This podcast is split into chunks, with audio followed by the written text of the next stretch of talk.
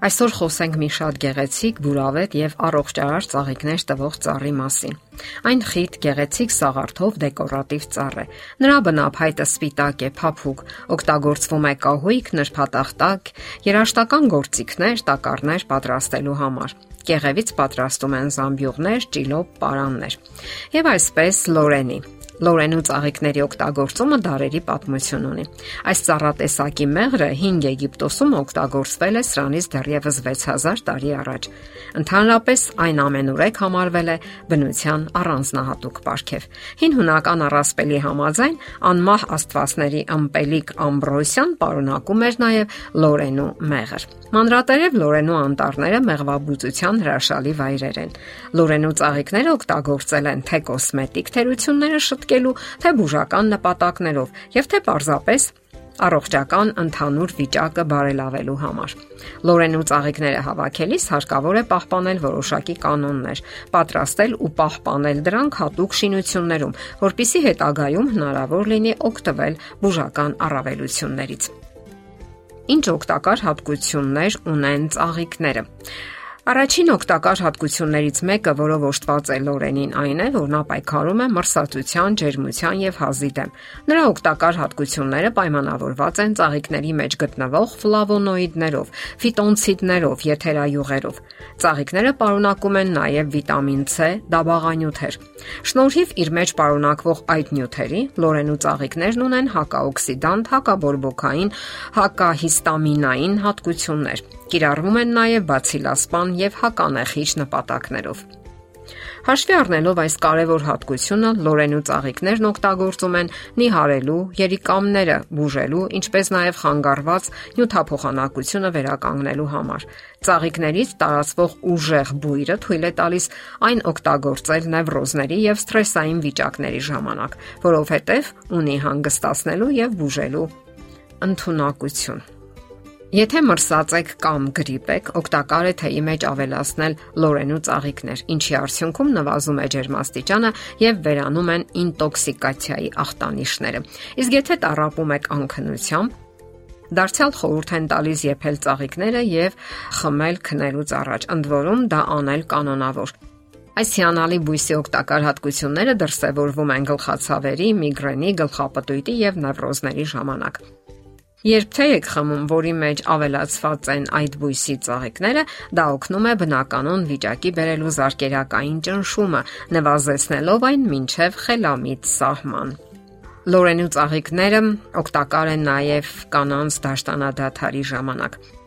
Կանայք այս տարիքում բավականին լուրջ հիմնախնդիրների են բախվում Եվ ահա Լորենութեին օգնում է պայքարելու տհաճ ախտանշանների դեմ, որոնք առաջ են գալիս օրգանիզմում տեղի ունեցող հորմոնալ վերակառուցումների արդյունքում։ Ասենք որ այս բույսի երածրած թուրն օգտագործում են նաև կոկորտի ողողումների ձևով, անգինաների, ֆարինգիտների ժամանակ։ Երանդով օգտագործվում են նաև հազի տարբեր տեսակների բուժման ժամանակ, ներառյալ բրոնխիտները, չորհազը, տրախեիտը եւ այլն։ Ծաղիկների թուրմը խորհուրդ է տրվում օգտագործել նաև սիրտանոթային համակարգի հիմնախնդիրների դեպքում։ Այն բուսական թուրմերը, որոնց մեջ կա նաև լորենուտերը, օգնում են կարգավորելու ոչ միայն զարկերակային ճնշումը, այլև օգնում են պայքարելու առիթմիայի դեմ։ Հեշտ է պայքարել այնպիսի հիմնախնդիրների դեմ, ինչպիսիք են փորկապությունը, դիարեան, լեղապարկի եւ մարսողության այլ օրգանների տկարությունները։ Եթե իհարկե կանոնավոր օգտագործվի լորենու թեյը։ Լորենին մեծացնում է ստամոքսահյութի արտադրությունը, կարգավորում է լեղու արտադրության գործընթացը, լեղու մուտքը դեպի 12 մատնյա աղի։ Լորենու ծաղիկների օգտակար հատկությունները դրսևորվում են նաև այն դեպքում, եթե ունեք մաշկային ծածկույթի վնասվածք, որովհետև ծաղիկները վերացնում են բորբոքումը, նվազեցնում հյուսվածքների այտուցը եւ նպաստում են մաշկի արագ վերականգնմանը։ Նկատվել է, որ լորենու թեյը օգտագործելու դեպքում արագանում է նյութափոխանակությունը, անհետանում է ցելյուլիտի ախտանշանները, դուրս են մղվում ավելորտ նյութերը։ Եվ եթե դուք ցանկանում եք նիհարել եւ ունենալ ձիգ մարմնակազմություն, ժամանակին հավաքեք այս բույսի ծաղիկները եւ դրանք օգտագործեք հաճելի եւ միաժամանակ որպես բուժիչ միջոց։ Լորենու ծաղիկների մեջ պարունակվում են այսպես կոչված ֆիտոհորմոններ, որոնք ընդունակ են դանդաղեցնելու ծերացման գործընթացը եւ նպաստելու օրգանիզմի երիտասարդացմանը։ Ինչպես եւ երբ ճիշտ հավաքել լորենու ծաղիկները։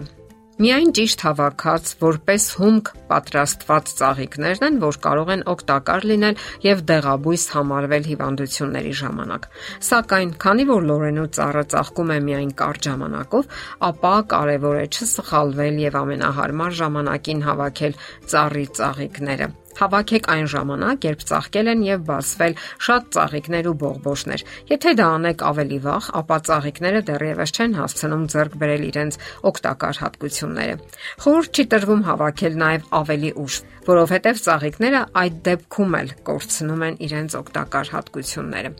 Իսկ որտեղից հավաքել ծաղիկները։ Հարկավոր է ծաղիկները քաղել այն ծառերից, որոնք գտնվում են բանուկ մայրուղիներից եւ փողոցներից հեռու։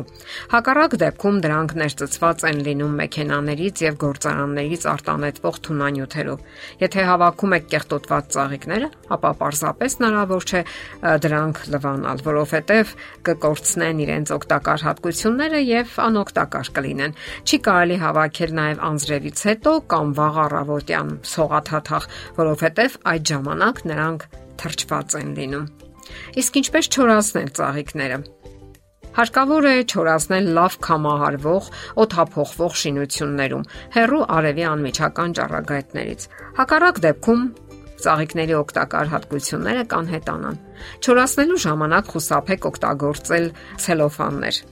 Իսկ չորացրած ժամանակ պահեք ապակյա բանկաներում կամ փոքրիկ կտորե պարկերի մեջ, որոնք ունեն ծակոտ կեններ, այսինքն շնչող են։ Ճիշտ պահպանման դեպքում լորենու ծաղիկները կարելի է օգտագործել ամբողջ 3 տարի։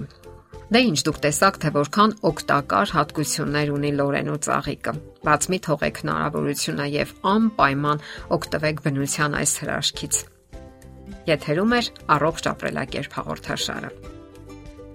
Հարցերի եւ առաջարկությունների համար զանգահարել 033 87 87 87 հեռախոսահամարով։